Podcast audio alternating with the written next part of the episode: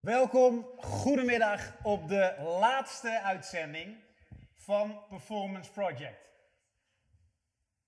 Perfect, dankjewel uh, Michael. Er was even dubbel geluid. Is niet de eerste keer. Niks aan de hand.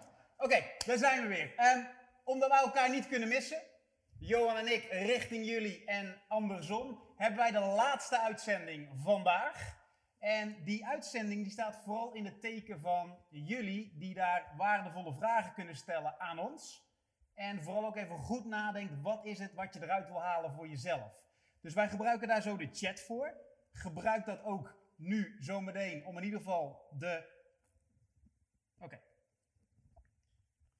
Ja, Tom, zeg Ja, ik zit te kijken. Oh, de, de, de negen competenties komt in beeld. Ik denk iemand die stuurt al wat in beeld.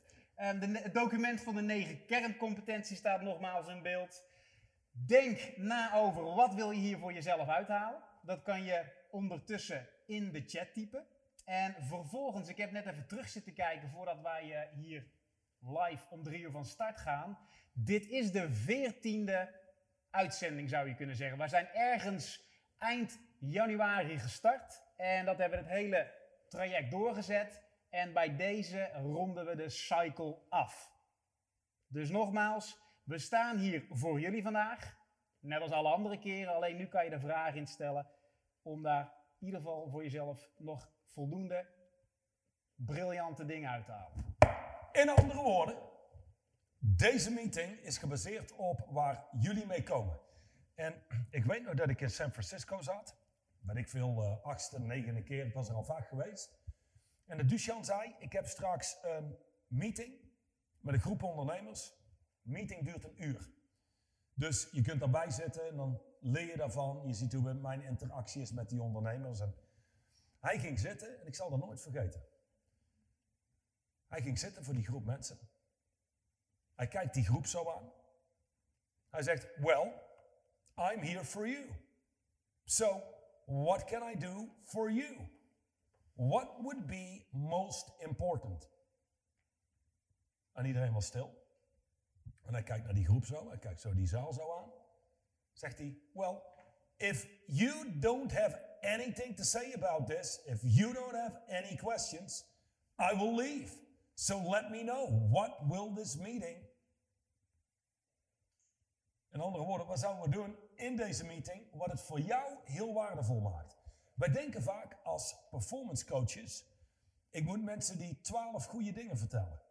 Maar iedere echte coach zou zeggen, als je komt met, maar, maar hoe ziet dit programma eruit? Een echte coach zou altijd zeggen, er is geen programma. Mijn programma zit in jouw spreken. Of zoals Duchan zou zeggen, jij spreekt, ik luister wij creëren iets en jij gaat het leven. Dat is hoe coaching werkt. Mijn programma zit in jouw spreken. Als jij nergens mee komt, is er niks waar je op gecoacht wordt. Alhoewel, dan zou je gecoacht worden op het feit, hoe dood kun je zijn in je hoofd dat je geen issues hebt om aan te spreken. Dus neem eens voor jezelf een moment de tijd. Wat zou deze meeting bijzonder waardevol maken? Voor jou. En dat betekent, je zult voor jezelf moeten gaan zitten en nadenken, is er een vraag die je meegenomen hebt naar deze meeting? Je zit überhaupt in deze meeting. Je zou hier niet zitten, zitten als je zou zeggen, mijn leven moet hetzelfde blijven. Dus ik denk, het beste wat we kunnen doen voor vandaag, is Dusan Dukic, de schrijver van het boek Straight Line Leadership, eer aan doen. Als jullie niks hebben, hebben wij niks. En als jullie zaken hebben, hebben we wel iets. Ja, het zou kunnen zijn, Tom. Dat ja, dat kan maar zo gebeuren. In één keer je eerste vrije uur is dit jaar. Of half uur als mensen niks hebben. Maar dan ga ik kijken en dan kijk ik, Daniela Pardoel heeft altijd wel iets. Lawrence, zie ik staan. ik ken een Lawrence, die heet Plet met zijn achternaam, geniale man. Die zou altijd komen met 14 vragen, die ook nog een keer heel goed zijn en compleet nieuwe werelden openen. We hebben Channel nog, Channel is bijzonder intelligent en snel en krachtig, dus die komt met dingen.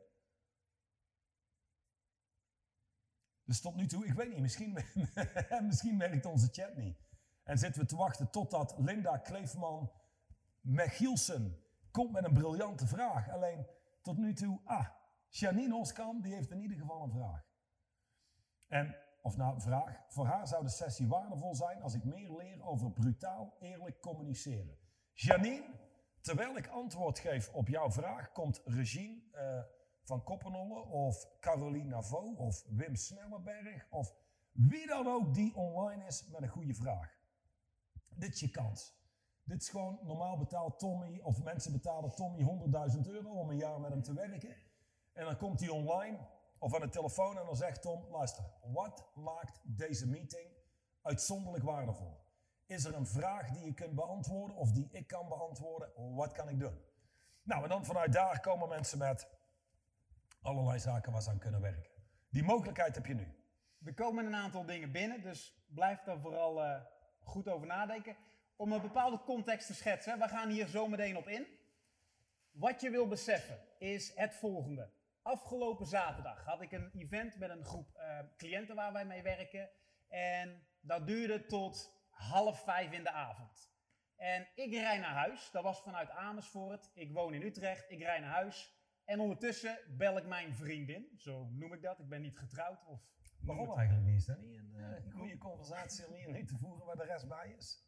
Noem het partner, maak het iets uh, professioneler. Mijn partner, mijn verkering. Dus ik bel erop, ik zeg, Kar, wat gaan we eten? Ik heb niet normaal zo'n drukke dag gehad. Daar zat ik vanochtend ook een beetje over te lollen. Ik heb workouts gedaan, ik heb presence drills gedaan, ik heb in een ijsbad gezeten. Ik ben kapot, zei ik tegen haar. Om het proberen iets voor elkaar te krijgen. Eigenlijk is het gewoon vergelijkbaar met een dag die de Navy SEALs in Afghanistan hebben als ze echt... Uh, op, zo, ja. zo voelde ik me wel toen ik in de auto zat. Na dat ijsbad, stoelverwarming op 3, 26 graden, om in ieder geval weer bij te komen.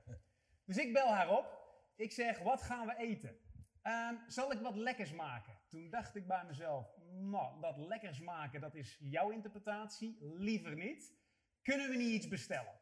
Dus Carlien geeft aan, ik ga wat bestellen bij ons favoriete restaurant in Utrecht.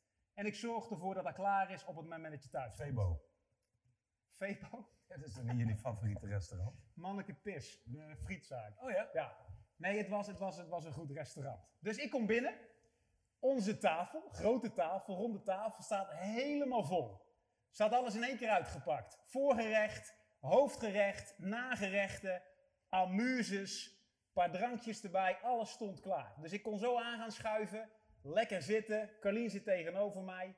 En we beginnen naar die tafel te kijken. En denk, holy shit, dit ziet er goed uit. Oh, hoe zou dat smaken? Want alleen het ruikt al heerlijk. En deze structuur is bijzonder. Wat hebben ze het mooi opgemaakt allemaal. Dus wij kijken ernaar. We speculeren erover. Hè? We stellen wat vragen aan elkaar. Hoe zou dit zijn? Hoe, dat, hoe zou dat zijn? En uiteindelijk zeg ik tegen Carlien, na een kwartier naar al die briljante dingen te kijken, ik denk toch dat ik niet zo heel erg honger heb. Weet je wat ik ga doen? Het is bijna zeven uur, RTL Boulevard begint, ik ga lekker tv kijken. Dan zou je denken, Tom, dat is van de pot gerukt. En dat klopt ook, maar dit is hoe de meeste van jullie kan je zeggen, of überhaupt de meeste mensen luisteren, kijken en een meeting zoals dit, of in ieder geval een sessie hebben zoals dit, die zijn tevreden, je zou kunnen zeggen, met inzichten. Ah, dit klinkt goed, hoe zou dat toe, uh, toegepast kunnen worden? En daar zie ik die mogelijkheden. Die, die zien het als inzichten. Die speculeren erover hoe briljant het zou kunnen gaan werken. Maar wat ze vergeten te doen, er is geen resultaat. Ze komen niet tot implementatie. Dus in het voorbeeld wat ik net geef, op het moment dat we allebei gewoon beginnen met eten, dat je echt de ervaring hebt hè, van al die gerechten, het resultaat echt proeft en meemaakt, de sensatie in je mond zou je kunnen zeggen, dat is wat impact maakt. In plaats van er alleen maar te over ja, speculeren, erover spreken. Dus als je kijkt naar de afgelopen 14 weken zou je kunnen zeggen, en wij krijgen vrij regelmatig hè, mail of reacties via de chat of via de WhatsApp van goh, dit was waardevol, dit was top, briljante eye-opener. Alleen als het blijft bij een inzicht hè, en je bent er mooi over aan het plotten en het plannen, maar je creëert er geen resultaat mee, je implementeert het niet, dan heb je helemaal niks. Dus er is een groot verschil, ook voor vandaag. Om een inzicht te hebben, een eye-opener te hebben, of resultaat wat telt. Terug te komen op de vragen die hier gesteld worden. Eigenlijk Tom, even om ja, dit punt nog iets verder uit te diepen. Eigenlijk wat Tommy jullie heel vriendelijk vertelt hier, met een schitterend voorbeeld, is er zijn een aantal dingen die je kunt doen na deze meeting. En ik kan je vertellen, veruit de meeste mensen die hangen zo meteen op of die sluiten Zoom af en die gaan nadenken over wat er doorgenomen is. Goh, dat was goed zeg. Dat wat Tommy zei over het eten en het dan neerzetten en niet opeten. Dat is eigenlijk wat we doen met informatie. We nemen het tot ons en we denken erover na en verder komen we niet. Klopt. Dan heb je mensen die gaan één stap verder en die nemen die nieuwe informatie tot zich en nieuwe tools en die spreken erover met anderen. Dus ik geef aan aan Tommy wat ik allemaal geleerd heb en aan andere vrienden en familie, maar we komen nog steeds niet tot uitvoer. Maar het enige wat telt, het enige, je moet mensen daar steeds aan helpen herinneren, is wat je doet met de informatie. Executie, het uitvoeren.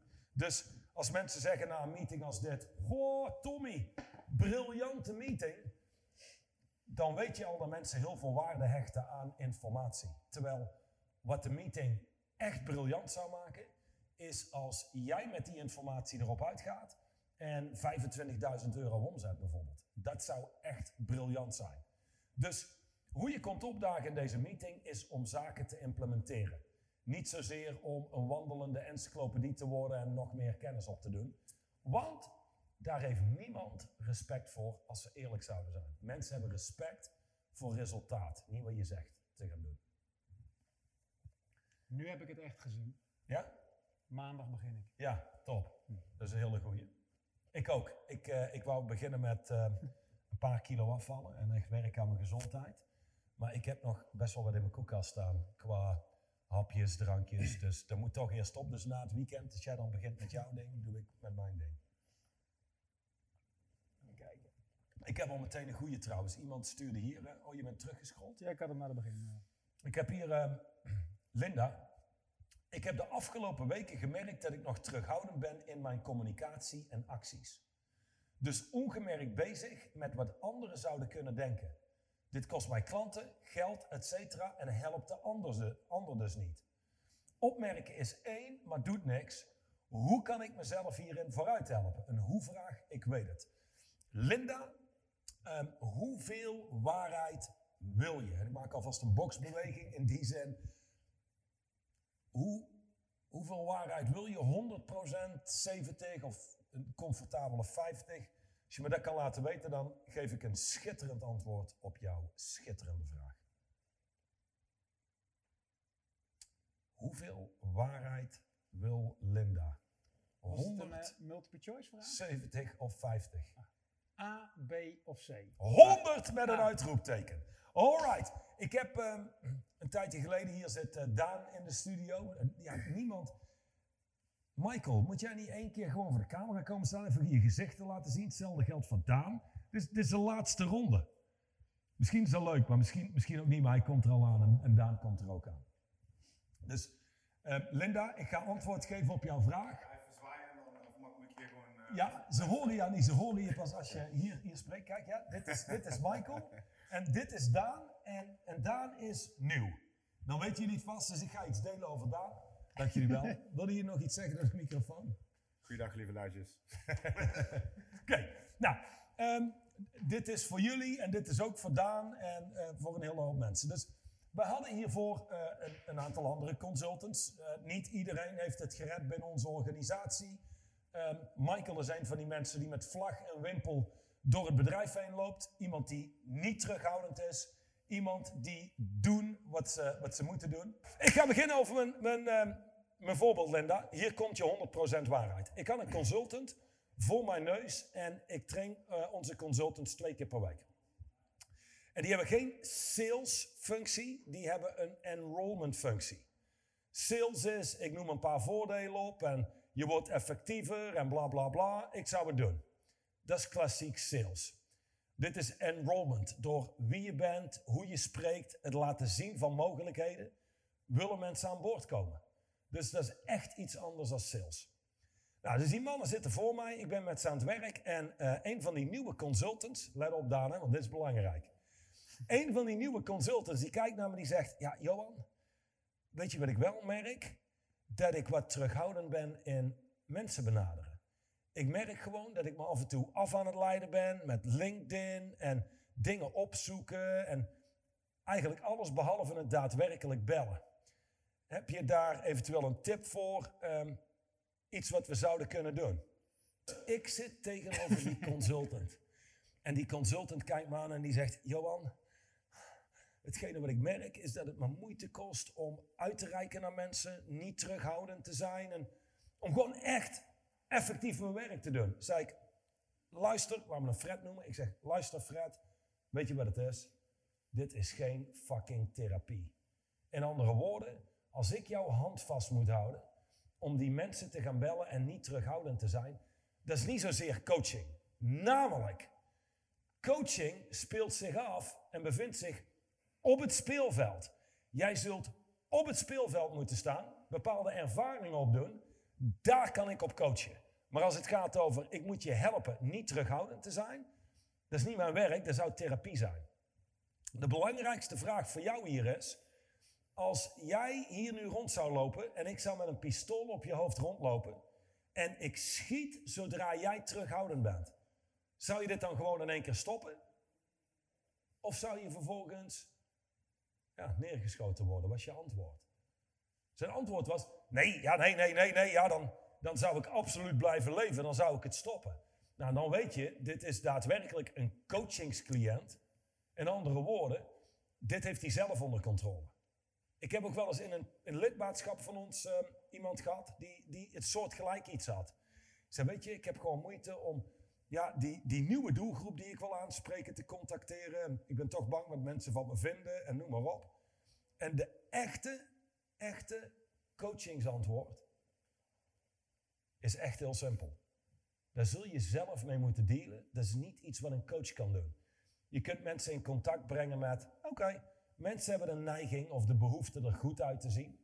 Vermijden er slecht uit te zien. We zijn over het algemeen overdreven veel bezig met onszelf. En dat is eigenlijk het echte antwoord, Linda. Als jij de focus van jezelf afhaalt en je eigen gevoel. En je bent echt radicaal gefocust op de ander, op het welzijn van de ander, dan kun je niet meer terughoudend zijn. Het is namelijk die overdreven focus op onszelf hoe meer we gefocust zijn op, onszelf, op onszelf, hoe meer we gefocust zijn op er goed uit te willen zien, aardig gevonden willen worden. En hetgene wat vaak in de weg zet, zijn onze eigen emoties of stemmingen of interne verhalen. Dus de meest effectieve mensen, die zijn gefocust op dingen buiten zichzelf. Namelijk, hoe meer ik focus op mezelf en ik heb een bepaalde angst, hoe groter die angst wordt. Als ik hier een verhaal heb draaien intern met, goh, Weet je, ik begin eigenlijk maar net, ik ben nog niet heel goed. Ze zien me al wel aankomen. En ik neem die conversaties mee. Dan wordt het onmogelijk om echt krachtige resultaten te boeken. Dus het antwoord, het echte antwoord, Linda, is inderdaad: Weet je, je zult moeten doen waar je bang voor bent. Je zult moeten doen waar je angst voor hebt. En dat betekent: heb een commitment op de grootsheid van anderen. En als je daar een echt commitment op hebt, en dat is ook met cliënten van mij, en geloof me, ehm, sterker nog, afgelopen week heb ik nog een gesprek gehad met een cliënt. Wat heel direct was, heel duidelijk was. En hij hing op en hij zei, ja, ja, ja, goed, dankjewel. Ja, was oh, pittige sessie, zei hij. Maar nou ja, ik kijk uit naar volgende week. Waarop mijn antwoord was, bullshit, je kijkt helemaal niet uit naar volgende week. Je hoeft er voor mij niet goed uit te zien. Ik weet dat je opkijkt naar volgende week. Ik weet dat je dit niet leuk vindt. En we moeten hier doorheen. En weet één ding, ik heb een absoluut commitment op jouw grootsheid. En niet op jouw kleinheid. En heel eerlijk, hoe je mij ziet, hè, en dit is echt belangrijk om je werk als coach te kunnen doen, is, ik heb veel liever dat iemand me een klootzak vindt en aan het einde van het jaar zegt, hé luister Johan, we gaan niet met elkaar door. Maar wat een waanzinnig jaar. Je hebt mijn leven veranderd. Dan, zoals de meeste coaches, je hebt eigenlijk weinig betekend, maar door een geen goede relatie op te bouwen, maar door een ander te manipuleren, dat hij je aardig vindt en leuk vindt, ah, dan boeken ze nog wel een keer door. Ja, een soort van bedelen om acceptatie en geld. No fucking way. Een performance coach doet wat nodig is.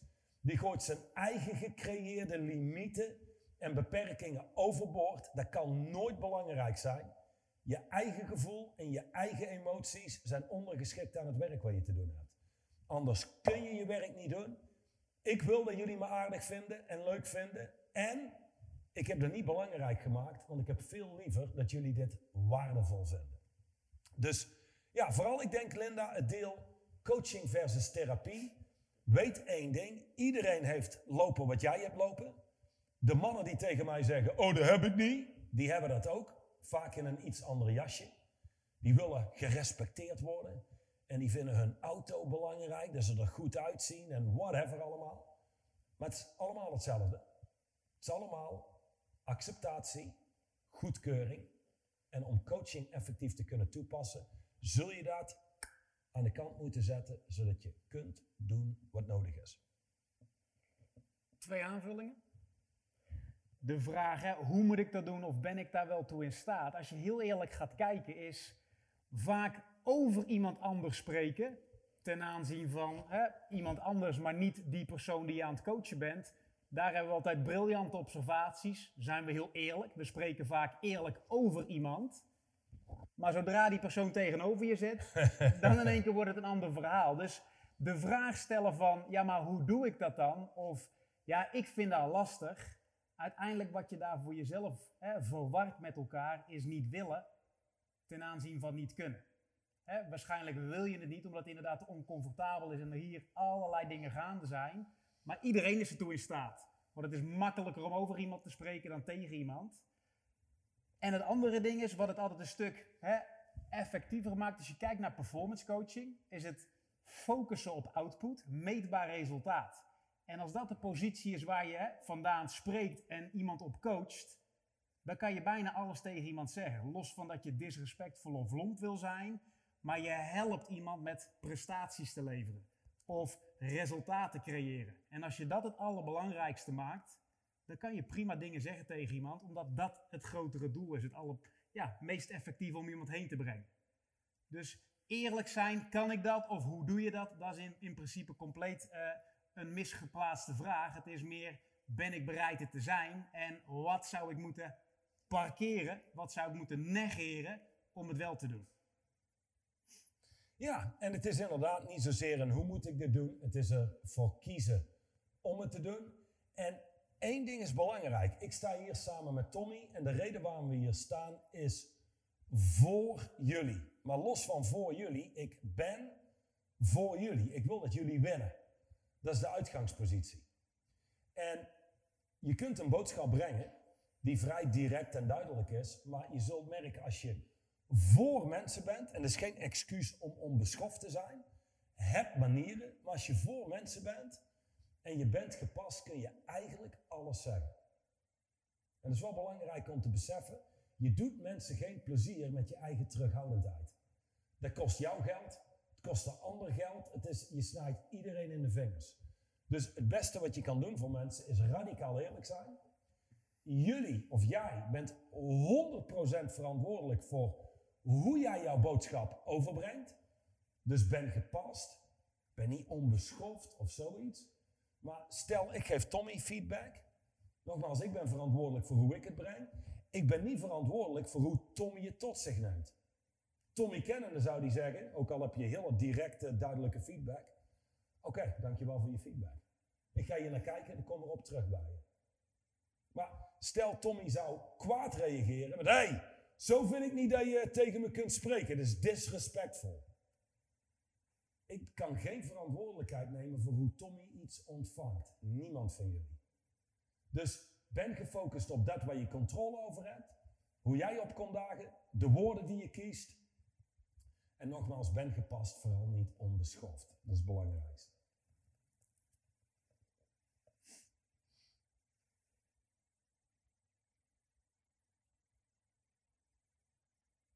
Oh, ja, ja, ja, wacht, hier heb je een hele goede vraag. Uh, cliënt zegt, hoe weet ik... Zo, dit is hoe ik het in mijn hoofd al lees. Dit is een bepaald type cliënt. ik, ik, ik heb dit meegemaakt in het verleden, maar, maar niet meer. Maar cliënt zegt, hoe weet ik zeker dat dit resultaat oplevert? En ja, ik weet dat ik alles moet doen, maar hoe weet ik dat het programma mijn leven verandert? Hoe kan ik dat zeker weten? Met alle respect, uh, Fred, dat is geen vraag die je aan mij moet stellen. Dat is een vraag die je aan jezelf moet stellen. Ik bedoel, je wil horen wat je mij vraagt. Hetgene wat ik je lever, zijn alle tools om je leven te veranderen. En hoe ik weet dat die tools werken, is omdat ik dit met honderden of duizenden mensen heb doorlopen die resultaat boeken. Ik kan jou zeggen, en ieder die hier binnen is gekomen en 100% commitment heeft op zijn of haar doelen, er is nog nooit iemand geweest met een volledig commitment die zijn doelen hier niet bereikt heeft. De echte vraag hier is niet de vraag die je aan mij stelt, die zul je aan jezelf moeten stellen. Ben je bereid te doen wat nodig is om je leven te veranderen? Dit is een optie, Virgil.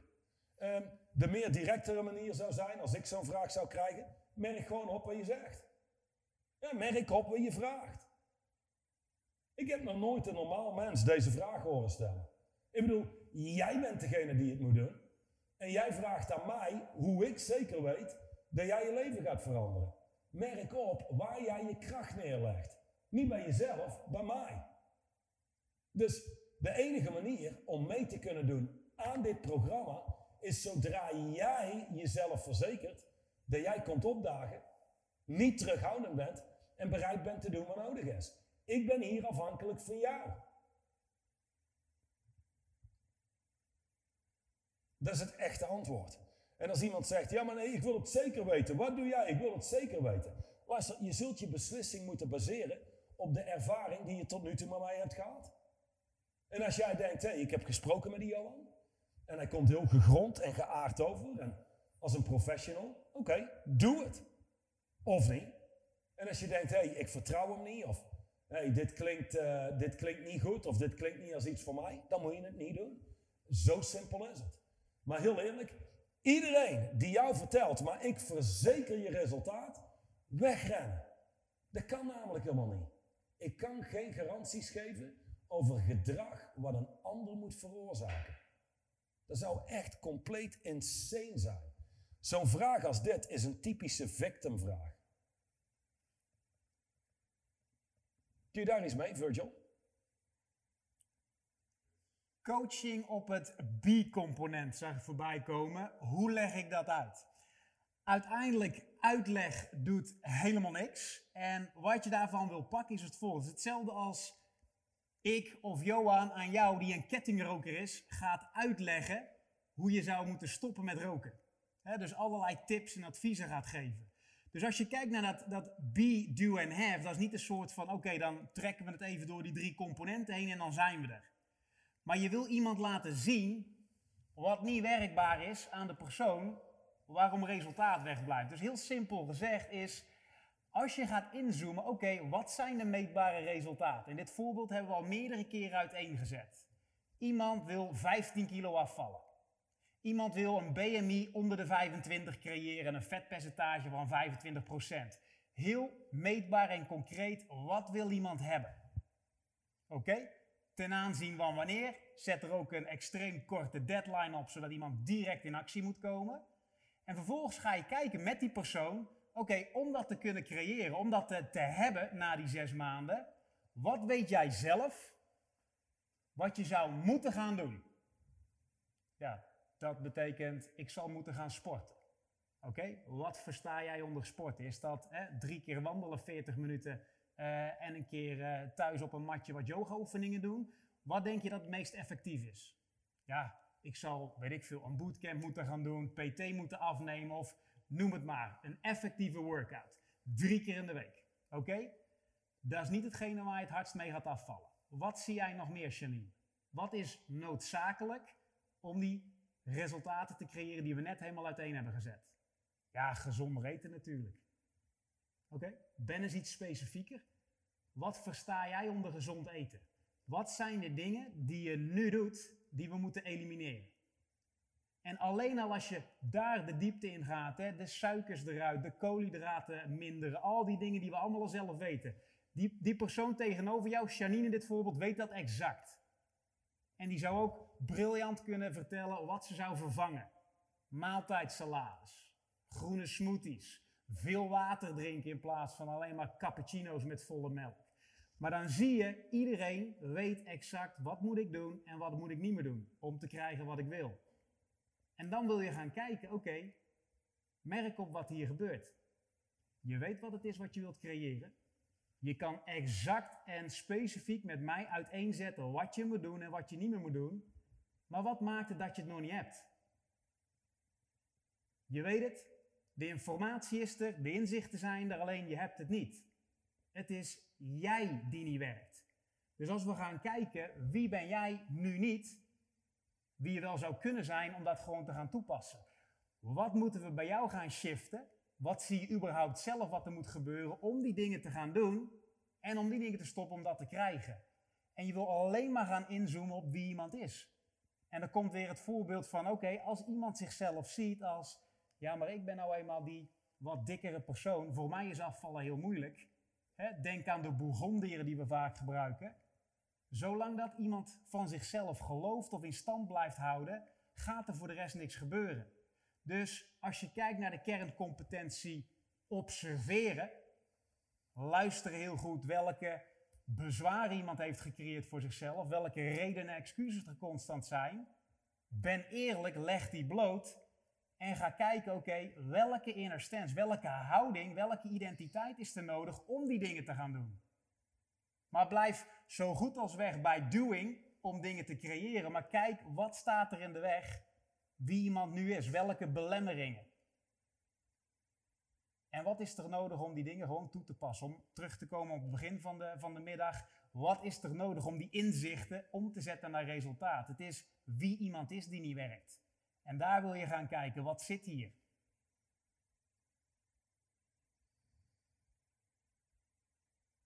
Ik laat even een stilte vallen. Ja. Ik heb hier ehm, van waarde kunnen zijn voor de persoon tegenover je. En mensen dingen kunnen laten zien die zij niet zien. Um, dat is een beetje vergelijkbaar met, uh, laat ik zo zeggen, het is zo'n algemene vraag. Dat ik denk, my god, die kan ik vier uur over spreken. Ik zou niet eens weten waar te beginnen. Hetzelfde als dat je vraagt aan Max Verstappen, hoe rij je zo snel mogelijk over het circuit? Dan zul je zeggen, ja, dat ligt eraan welk circuit. Dat is één. Maar er zijn zoveel componenten. Banden, um, vering. Downforce. Downforce. Gewicht van de rijder. Um, hoe je instuurt. Um, weersomstandigheden. Type banden. Ja, dus, dus dit is zo'n algemene vraag. Dat ik kan zeggen, daar kan ik vrij weinig mee. begin je dan steeds opnieuw wanneer het daar stagneert. Het ding is dit, als, als iemand, wie iemand is, niet shift, shift er niks. Dat is de bottom line. Als iemand niet shift, shift er niks. Dus daar kom je steeds op terug. Hier, hier heb ik een andere vraag. Ik klap in een gesprek soms dicht, omdat ik het antwoord niet weet en dan kom ik niet krachtig over. Ja, dit, dit zijn een aantal dingen die iemand bij elkaar voegt. Dus je zit in een conversatie, iemand stelt een vraag en je hebt het antwoord niet. Maar als iemand mij een vraag stelt en ik heb het antwoord niet, wat niet veel voorkomt, maar het gebeurt. Mijn antwoord is, goh, goede vraag Fred.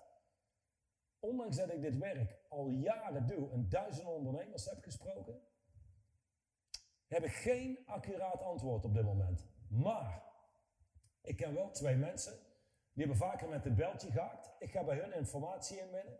Ik kom erop terug voordat ik nu een antwoord geef waar ik volgende week een paar correcties op moet maken. Is dat een afspraak die we kunnen maken? Dan klap ik dus niet dicht. Ik blijf uit mijn hoofd en ik blijf gefocust op de ander. Kleine mensen, mensen met een zwakke inner stance, willen altijd overal antwoord op kunnen geven. Waar grote, krachtige mensen gewoon eigenlijk vrij makkelijk kunnen zeggen: goede vraag. Ik kan daar wel een antwoord op geven, maar of dat het meest effectieve antwoord is, geen idee. Daar kom ik volgende week op terug. Ik heb een aantal mensen waarbij ik informatie kan inwinnen. Echte professionals als het gaat om dit vakgebied. Dus ik kom er volgende week bij je op terug. Of eerder, mocht je het antwoord eerder nodig willen hebben. Is gewoon, je blijft uit je hoofd. Je weigert in je hoofd te schieten. En hetgene wat de persoon die deze vraag stelt, uh, Eli of Ellie, Eli, um, wat hij merkt is als hij in zijn hoofd schiet, is al je power weg. Hier in je hoofd met al die verhalen en angsten en wat denkt iemand van je of oh my god, ik moet komen met een briljant antwoord. En je merkt dat je ruimte verliest. Je wordt kleiner. Andere mensen zouden zeggen, je wordt minder zelfverzekerd. Dus ook hier is de sleutel extern blijven. En je kunt gewoon eerlijk zijn. Als je een antwoord niet hebt, kom ik bij je op terug. Binnen 24 uur heb ik een antwoord. Maar voordat ik een antwoord geef, wil ik het eerst even uitzoeken. Ik zat van een week samen met, uh, met mijn financieel adviseur. En moet je weten, die beste man vraagt 300 euro per uur, wat in zijn vakgebied niet goedkoop is. Dus ik zit tegenover hem, ik stel hem een heel aantal vragen en dat gaat toch over een hoop geld. En wat zegt hij? Op een gegeven moment in dat gesprek zegt hij, ik had een vraag over Nederland en België en iets met vastgoed. En zei hij, dat is een goede vraag. Ik ga dat heel even nakijken. Bij ons zit iemand op kantoor die is erin gespecialiseerd. Donderdag aan het staan, heb je een antwoord. Wat vandaag is overigens. En ik zit daar en, en mijn antwoord is: Oké, dankjewel. Er is geen enkel moment dat ik denk: Oh, kan ik die man niet vertrouwen? Of nee, ik weet, er is geen enkel mens op aarde die alle antwoorden heeft. Dus ben mens, ben eerlijk en kom met een antwoord wat passend is. Dat zou, zou mijn advies zijn in deze. Maar het is ook een state of being. Weet je, een krachtige inner stance is comfortabel in een conversatie. Iemand met een krachtige inner stance weigert in zijn hoofd te schieten. En oh, uh, shit. Uh, en, en vervolgens verward. Scattered noemen we dat. Dus we zijn niet gefocust. Maar we sprayen onze aandacht alle kanten op. Of hier ontstaat een rel. Oh my god, oh my god. Ik moet nu komen met een antwoord. En dan laat je nooit krachtig overkomen. Dus in dit geval, eerlijk zijn is iets wat werkt. Um, ik zag er net staan. Commitment helder krijgen is waar ik regelmatig vastloop. Of lopen we vast. Uiteindelijk denk ik wat er bedoeld wordt. Engbert zag ik staan. Ja, Engbert. Denk wat er bedoeld wordt is, je hebt meetbaar resultaat. En daarop maak je een commitment. Het is niet dat je een commitment helder moet gaan maken bij mensen. Want of er is commitment en dan kan je afmeten gewoon aan resultaten. Of er zijn redenen, excuses waarom het er niet is. Dus ik weet niet of je die twee dingen door elkaar haalt. Engbert. Want uiteindelijk, ja, het is niet hè, dat je een commitment helder kan maken bij iemand. Iemand zou zijn commitment moeten geven. Ja, ik ben bereid te doen wat nodig is om die resultaten te creëren. En ik ben bereid daar mijn gedrag en acties op aan te passen. Ik, ik heb wel één ding. Als mensen continu rondlopen met, goh, mijn commitment is niet helder. Goh, mijn commitment is niet helder. Je noemt dat ook wel het verborgen voordeelsyndroom. Ik bedoel, een commitment maken is niet zo heel lastig. Ik kan gewoon nu besluiten, dit jaar wil ik 200.000 euro omzet of 20 miljoen euro omzet. Dat is gewoon een beslissing die iemand neemt. En je wil daar natuurlijk over nadenken in die zin dat je geen delusional doel stelt voor jezelf. Maar wat is het voordeel van geen doel hebben? Daar zit een groot voordeel in. Wat is het voordeel aan de klacht? Huh, wij hebben geen doel, mijn doel is niet helder. Zolang je zo rondloopt met mijn doel is niet helder, hoef je geen echte commitments te maken, geen noodzakelijk vereiste acties te doen, geen oncomfortabele acties te doen. Dus het is niks anders dan een comfortkeus om zo rond te blijven lopen. Daarnaast, Tom zou zeggen, Als iemand geen commitment heeft, verwijs hem door naar een therapeut. Je kunt pas iemand coachen als commitments helder zijn. Dat is een belangrijke. Um, channel is hier mensen aan het coachen online. Dat betekent fucking channel en fucking Virgil. In andere woorden, uh, iemand stelde de vraag: hoe uh, kun je iemand laten zien dat ze in hun hoofd zetten? Channel. Jij zit in gesprek met jezelf en met Virgil terwijl wij spreken. En Virgil exact hetzelfde. Het is gewoon goed om op te merken. Um, dit is het straight line antwoord op een cliënt die zegt ja op een fysieke transformatietraject. Belt vervolgens de dag dat hij denkt toch wel gemotiveerd te zijn, hetzelfde te kunnen en zegt: Goh, ik denk toch hetzelfde te kunnen doen nu. Ik wil het toch eerst zelf nog proberen. Oké, dankjewel. Wil je mijn eerlijke feedback? Uh, uh, tuurlijk. Oké. Ehm, jouw beste denken, Fred. Jouw beste denken heeft je gebracht waar je nu staat. In andere woorden, jouw beslissingen, jouw acties en niet-acties hebben je hier gebracht. 20 kilo overgewicht, 47 jaar oud, weinig energie, weinig zelfvertrouwen, dat stond nog bij het ons gesprek. En datzelfde beste denken zegt nu, ah maar ga toch zelf proberen. Met alle respect, maar dat is een hobbygedachte. Ja, dat is wat de meeste hobbyisten doen. Ik gebruik dit, eh, of ik gebruik dit, in business coaching komt dit ook voor. Hè? Want iemand neemt een beslissing, ik ga dit doen, die hangt op, die denkt na, die krijgt buikpijn, die denkt, oh my god. Dan moet ik er geld uit gaan geven en al die acties en zo'n reptiele brein gaat werken. En die kletsen eruit. Dus je moet daar effectief op in kunnen gaan. Dus in business coaching zou ik exact hetzelfde zeggen. En daar zou ik zeggen, dit is een hobbygedachte. Ja, ja, want jouw beste denken, jouw beslissingen, acties en niet-acties hebben hiertoe geleid. Maar weet één ding, mensen volgen altijd hun beste denken. Dus ik heb nog nooit meegemaakt dat ik iemand belde en die zei, Johan, ehm, ik heb mijn twintig slechtste ideeën op papier gezet. Daar ga ik de komende paar jaar aan werken. Als dat nou niet werkt, dan stap ik over op mijn goede ideeën. Nee, mensen volgen standaard hun beste denken. Fred, hoe, hoe eerlijk wil je dat ik ben? 100% of 70%? Oh nee, tuurlijk 100%. Ja, dit type denken heeft je gebracht waar je nu staat. En ditzelfde type denken, wat nu zegt: Oh nee, je gaat nu toch zelf doen, houdt je waar je bent. Dus ik heb een heel simpel verzoek, Fred. Oh uh, ja. Nou, dat is dat je terugkomt op je beslissing en alsnog besluit gewoon deel te nemen aan dit traject.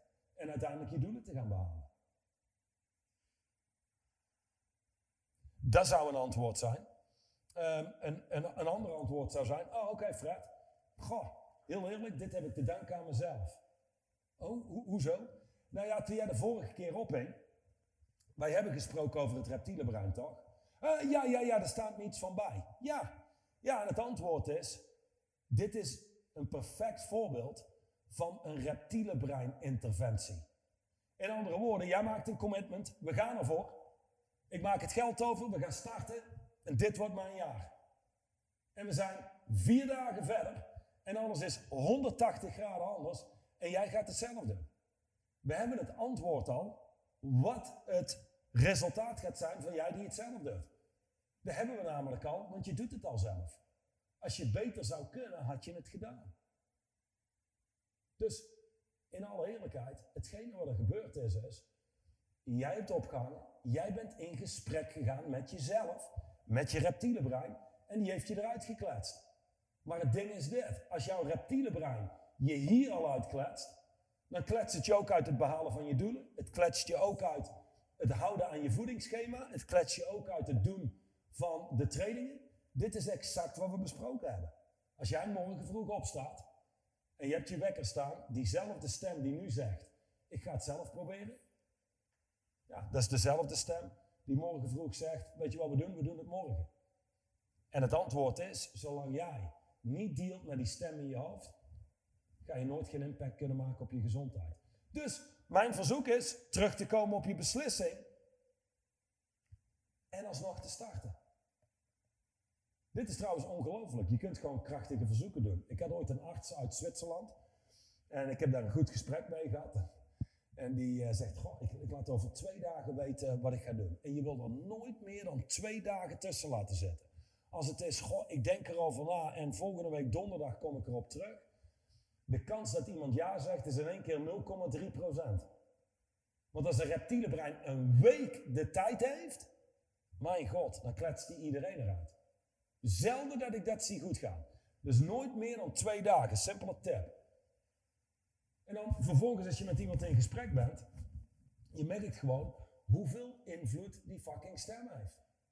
En ik heb dus wel eens ooit gehad dat iemand na twee dagen terugbelde en zei, dankjewel, we hadden echt een heel goed gesprek, heeft heel veel voor me gedaan. Maar ik heb toch besloten om het nu niet te doen. Waarop mijn reactie was, oké, geen enkel probleem, ik heb een verzoek. Zegt hij, ja, ja, tuurlijk, zeg maar. Mijn verzoek is dat jij terugkomt op je beslissing en besluit om alsnog in zee te gaan met me. Minuut stilte ongeveer. En ik hoor aan de andere kant van de lijn. Ah, scheisse. Ja, oké. I will do it. let's do it. Just send me the invoice and, and, we will start. En ik zit aan de andere kant van de lijn. Ik denk, holy shit. Dit heeft gewoon gewerkt. Dus krachtige verzoeken doen werkt. En je kunt gewoon iemand verzoeken om terug te komen op zijn bullshit en alsnog aan de slag te gaan. Het is niet oprecht wat iemand hier, uh, wat iemand hier typt. Good, good, good, Channel. Nee, nee, nee, ik ben niet aan het coachen. Mooi, Channel, we houden toch van je. Even kijken. Geen beeld, geen beeld, komen hier steeds voorbij. Mm, even kijken. Als iemand nog een vraag heeft, hè, typ het in de chat. Wij zijn beland aan de laatste 11 minuten, dus laten we krachtig eindigen. Wat kun je doen aan het terugcirkelen naar ongewenst gedrag? Ja, dat is een hele goeie. Namelijk straight line leadership, coaching, vereist een hoog level van bewustzijn. In andere woorden, als mensen in coaching komen, starten ze vaak krachtig. Dus dat ding met people start out with vigor, weet je wel, ha, we gaan ervoor. But they fade over time. En bij sommige mensen duurt het twee weken voordat ze afzwakken, bij sommigen een maand. Sommigen overigens nooit, die maken een switch en die blijven gaan. Maar de bottom line is dit, Caroline. Uh, Caroline. Is awareness and choice. Zodra iemand ziet dat hij terugcirkelt naar zijn oude gedrag, op het moment dat hij het ziet, heeft hij een keus te maken. En dat betekent dat hij er ook voor kan kiezen dat oude gedrag te laten voor wat het is en met een nieuwe inner stance op het speelveld te komen. Het grote probleem is dat mensen zo geïdentificeerd zijn met hun gedachten en hun emoties en stemmingen en interne werelddialoog dat allereerst één. Het soms weken duurt voordat ze zien van hé, hey, ik ben afgezwakt. Ik ben niet meer wie ik een maand geleden was. Dus er zit heel veel ruimte tussen de onbewuste shift naar onwerkbaar gedrag en de correctie. Dus hoe eerder mensen opmerken dat ze terug zijn geshift, hoe eerder ze kunnen kiezen om terug te shiften naar dat wat wel werkt. Het is awareness and choice. Grote nadeel, Caroline, is, ik weet niet of je dit merkt, maar dat betekent mensen die shiften terug in één keer, weet je wel, worden weer terughoudend, gaan wat door de bewegingen heen, zien het en in plaats van het ze shiften gebeurt er iets anders. En dit is meer slachtoffergedrag. Dan hebben ze een mening over dat ze uitstonden. Ze hebben een mening over het feit dat ze niet meer intentioneel waren. Ze hebben een mening over het feit dat ze minder krachtig waren. En dan vervolgens krijg je zo'n mentaal, mentaal spel met, zie je wel, ik kan het niet, het is zo lastig, het is zo moeilijk. Wat natuurlijk alleen maar tegenwerkt. Klinkt dit herkenbaar en kun je iets met dit antwoord? Mevrouw Naval. Awareness and choice.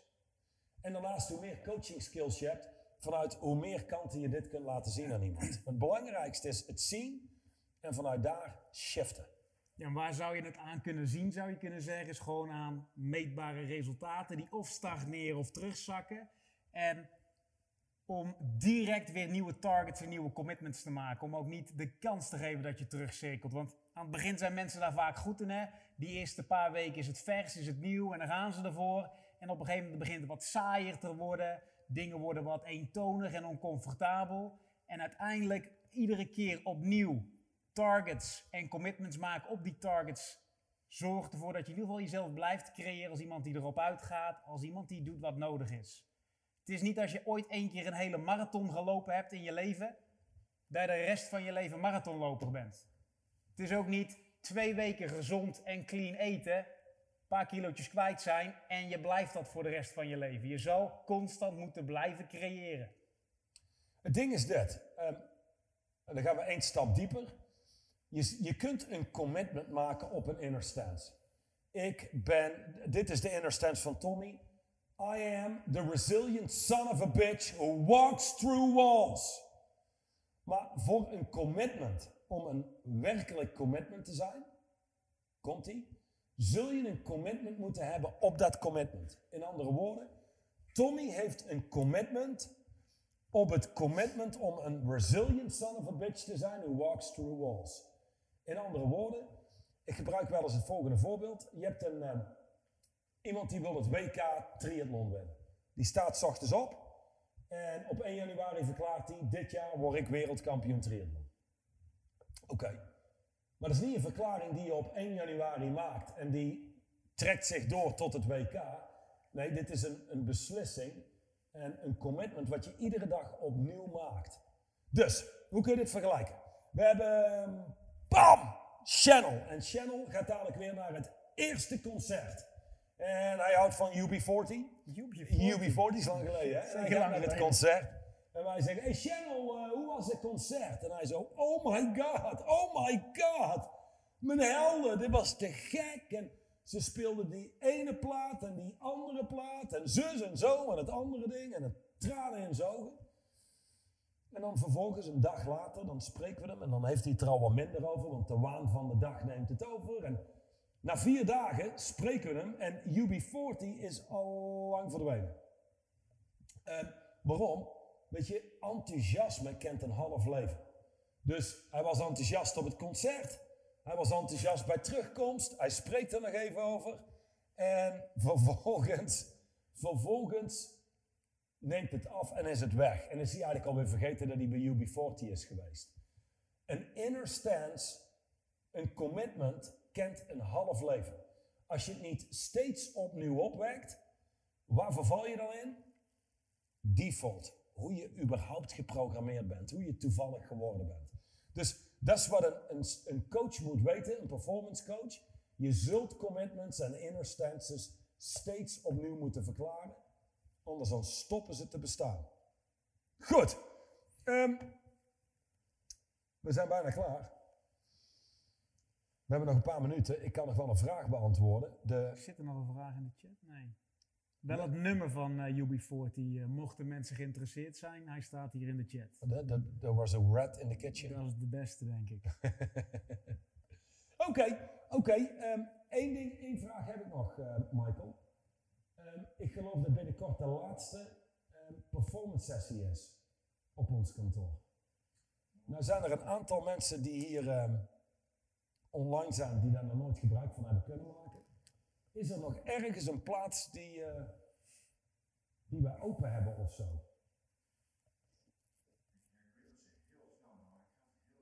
Michael gaat kijken of er nog iemand is die we kunnen uitnodigen bij ons op kantoor. Michael komt er zo op terug, geeft hij aan. Ja, wat jij bedoelt, we vullen ze tot tien. En ergens, Michael, er zijn nog wel één of twee plaatsen in een bepaalde datum, geloof ik, hè? Maar dit gaat super snel elke keer. En Daniela, tot slot, tijdens gesprekken en deals uit je hoofd blijven. En even kijken. En niet mee te gaan in hun bullshit. Ja, ja, dat doe je. De beste manier om het te doen. En dit is ook nog een quote die ik stil van een dame. Emilia Earhart. En Emilia Earhart heeft, ik denk, een van mijn top 10 favoriete quotes van de 14 miljoen die ik in de afgelopen 10 jaar op me afgevuurd heb gekregen. Maar de quote gaat als volgt, Daniela, en daar ga je de rest van je leven profijt van hebben. Well, the best way to do it. Dus tijdens gesprekken, deals uit je hoofd blijven, niet mee te gaan in bullshit. The best way to do it is to do it. Mensen maken dingen overgecompliceerd. Hoe doe ik dat? Hoe doe ik dat? Door het te doen. Daniela, eerlijk, weet jij wanneer je in je hoofd zit versus wanneer je uit je hoofd bent? Weet je wel, dit is, we zijn een beetje uitgecheckt, we zitten in ons hoofd en dit is, we zijn uit ons hoofd. Komt een bericht binnen? Ja, soms wel, soms is het te laat. In andere woorden, Daniela, die heeft niet in de gaten als ze in haar hoofd zit, dat ze in haar hoofd zit. In andere woorden, dat geldt hetzelfde als voor Caroline Navo, awareness and choice. Zodra je in een gesprek zit en je bent aan het zoeken naar een antwoord, zit je in de cirkel. Dat is de bottom line. Dus wat je doet is, voel je voeten op de grond. Focus op de persoon tegenover je en negeer wat er intern afspeelt. Dit zijn niet de antwoorden. Jouw antwoorden komen door gefocust te zijn op de ander. Daar komen je antwoorden vandaan. Niet vanuit je hoofd. Dat is belangrijk om te beseffen. Goed. Ja? We hebben op 14 mei en 28 mei allebei één plek. Oké, Oké, twee plekken. 14 mei, 28 mei. Oké, voor degenen die nog mochten willen, de laatste twee plaatsen voor onze performance sessies. Voor degenen die er geweest zijn, je mag typen hoe jullie het ervaren hebben. Dan kun je mensen of waarschuwen, zonder van je tijd, of je kunt zeggen, absoluut doen. Eh, maar er zijn twee plaatsen, er zijn de laatste performance sessies. 14 mei en 28 mei van 10 tot 1 in echt of all places. Op kantoor bij ons. mooi. Moeten wij nog iets eh, in de chat plaatsen daarvoor? Michael zet zijn e-mailadres in en je kunt Michael appen of appen mailen. Een liefdesverklaring sturen op michael.zegers.thrive.eu. Channel, heel graag gedaan voor alle sessies. Maar ik moet ik zeggen, Tom eh, ja, die heeft meer ge- gedaan dan ik. Tom, ik vind het is aan jou om het af te sluiten. Dus bij deze bedankt voor jullie commitment om iedere keer live aanwezig te zijn. Want volgens mij hebben we hier een behoorlijk hechte groep gehad in de afgelopen 14 keer. Dank jullie wel daarvoor. En dit is allemaal pas waardevol de afgelopen maanden als jullie het allemaal omzetten naar meetbaar resultaat en toepasbaar maken. Dank jullie wel en tot later. Dag hè. Dag tot ziens.